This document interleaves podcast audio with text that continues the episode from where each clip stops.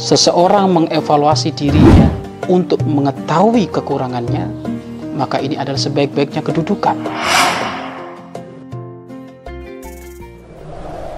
Ayo gabung program wakaf tanah dan bangunan Al-Bahjah Buyut. Hanya 200 ribu per meter. Bismillahirrahmanirrahim. Assalamualaikum warahmatullahi wabarakatuh. Alhamdulillah. Alhamdulillahi rabbil alamin. Wal akibatu lil muttaqin. Dhalimin. Wa sallallahu wa sallama ala imamil mursalin. Habibi rabbil alamin. Sayyidina wa maulana Muhammad sallallahu alaihi wasallam wa ala alihi wa ashabihi wa tabi'ina lahum bi ihsanin ila yaumiddin amma ba'd sahabat-sahabat fillah perindu-perindu Allah yang dimuliakan oleh Allah Subhanahu wa taala bahaya membela anak yang berbuat salah jika ada seorang anak melanggar kemudian dihukum oleh gurunya akan tetapi malah dibela oleh orang tuanya maka saksikanlah suatu saat ia akan melakukan kesalahan lebih besar kepada orang tuanya. Bahaya membela orang yang berbuat salah. Kita harus tahu kapan kita harus membela dan kapan harus insyaf. Harus mengerti menyadari itu adalah sebuah kesalahan, kesalahan. Terkhususnya berkenaan dengan pendidikan urusan anak. Banyak orang tua kecintaannya adalah kecintaan yang yang yang keterlanjuran di dalam mencintai sehingga menjadikan di saat anaknya ada kesalahan kemudian dihukum malah membela merasa tidak terima hal seperti itu adalah kesombongan yang membalut atas nama rahmat kesombongan yang dibalut atas nama kasih sayang orang tua kepada anak maka ini adalah hal yang fatal di dalam urusan pendidikan. Yakinilah wahai para orang tua, jika engkau membela anakmu di saat salah, engkau tidak terima cinta buta kepada anak sehingga anaknya dihukum tidak terima padahal anaknya adalah trader. Melakukan pelanggaran yang sangat besar dihukum ada di sebuah sekolah, madrasah, pesantren. Kok kemudian orang tua tidak terima? Malah menghujat gurunya, sang pendidiknya, Wahai orang tua, sadarilah, sebentar lagi anakmu akan melakukan kesalahan yang sangat besar kepada dirimu. Mau nggak mau? Karena yang sombong, yang angkuh, yang mengatasnamakan cinta sehingga membabi buta di dalam pembelaannya, maka nanti dia akan dikagetkan oleh Allah dengan satu kesalahan anaknya yang sangat besar kepada diri itu orang tua.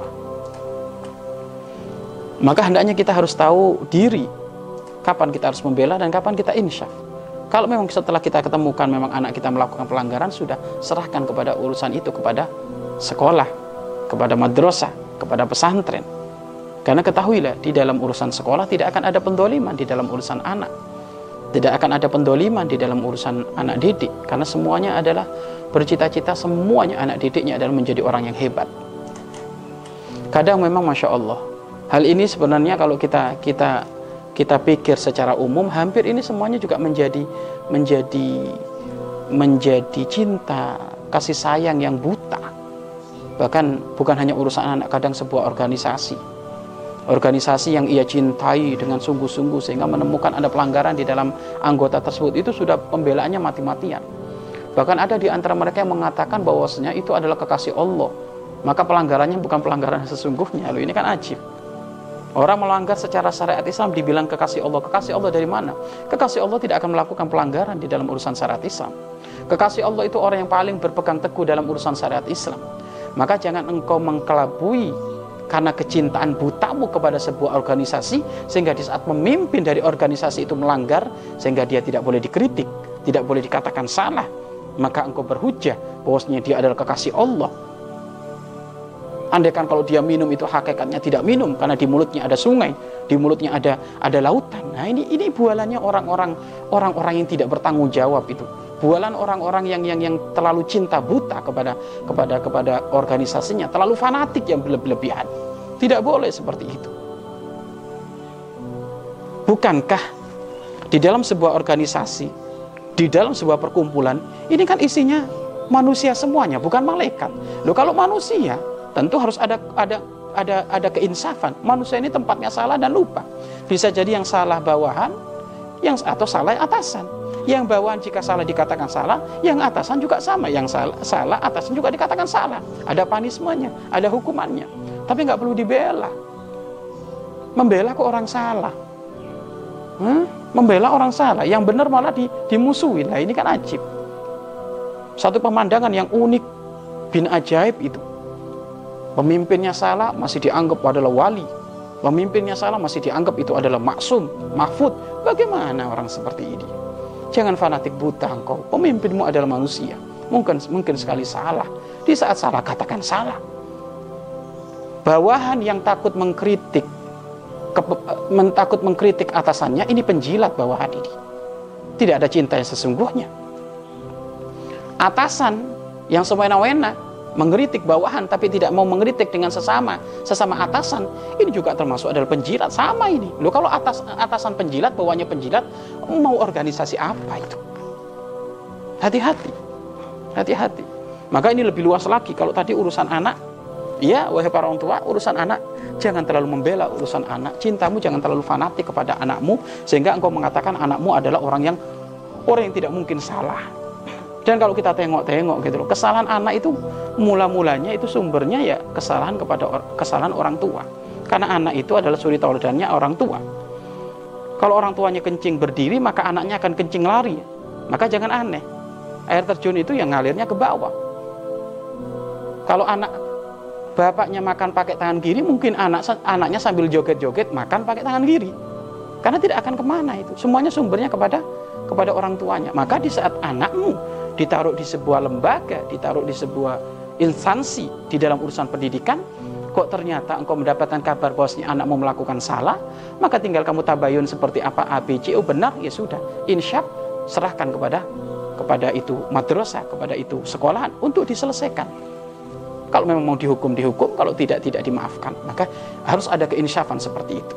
Lebih luas lagi dalam sebuah organisasi, organisasi apa pun, jangan pernah engkau fanatik buta kepada pemimpinmu, karena pemimpinmu adalah manusia, bukan malaikat. Maka kalau salah, katakan salah. Kalau ada orang yang mengkritik, ya harus yang lapang, senang.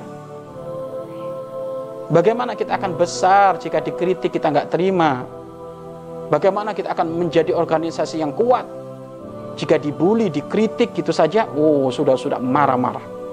Ya kan? Apalagi sekarang dunianya dunia media. Siapa pun yang mengekspos segala aktivitas di media, maka ada dua sumber, ada dua nanti hasilnya. Apa? Dihujat, dicaci maki, kalau enggak ya disanjung. Sudah dua ini. Kan gitu kan? Disanjung hati-hati, jangan sampai engkau tidak ikhlas, dihujat kamu sabar kan gitu. Karena engkau telah mempublis kepada media. Medianya isi, isinya itu. Kalau nggak nggak menyalahkan, ya membenarkan. Kalau nggak menghujat, ya, ya, ya, ya memuji kan gitu. Makanya jangan merasa kepanasan di saat ada hujatan-hujatan di media. Iya kan ada masukan-masukan di media katakan syukron terima kasih. Pembesar-pembesar terdahulu dari kalangan para ulama mungkin sekali beliau melakukan salah di saat beliau melakukan salah dan di saat dikritik beliau menerima lapang dada terima kasih akhto tuh aku salah mohon maaf Nah inilah orang-orang besar itu seperti itu.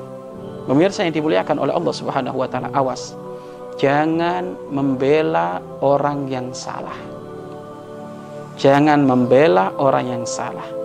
Jika engkau membela orang yang salah, engkau akan menemukan kesalahan itu orang yang kau bela lebih lagi melakukan kesalahan yang lebih dahsyat. Bisa jadi melakukan kesalahan kepada dirimu. Lebih besar lagi nanti.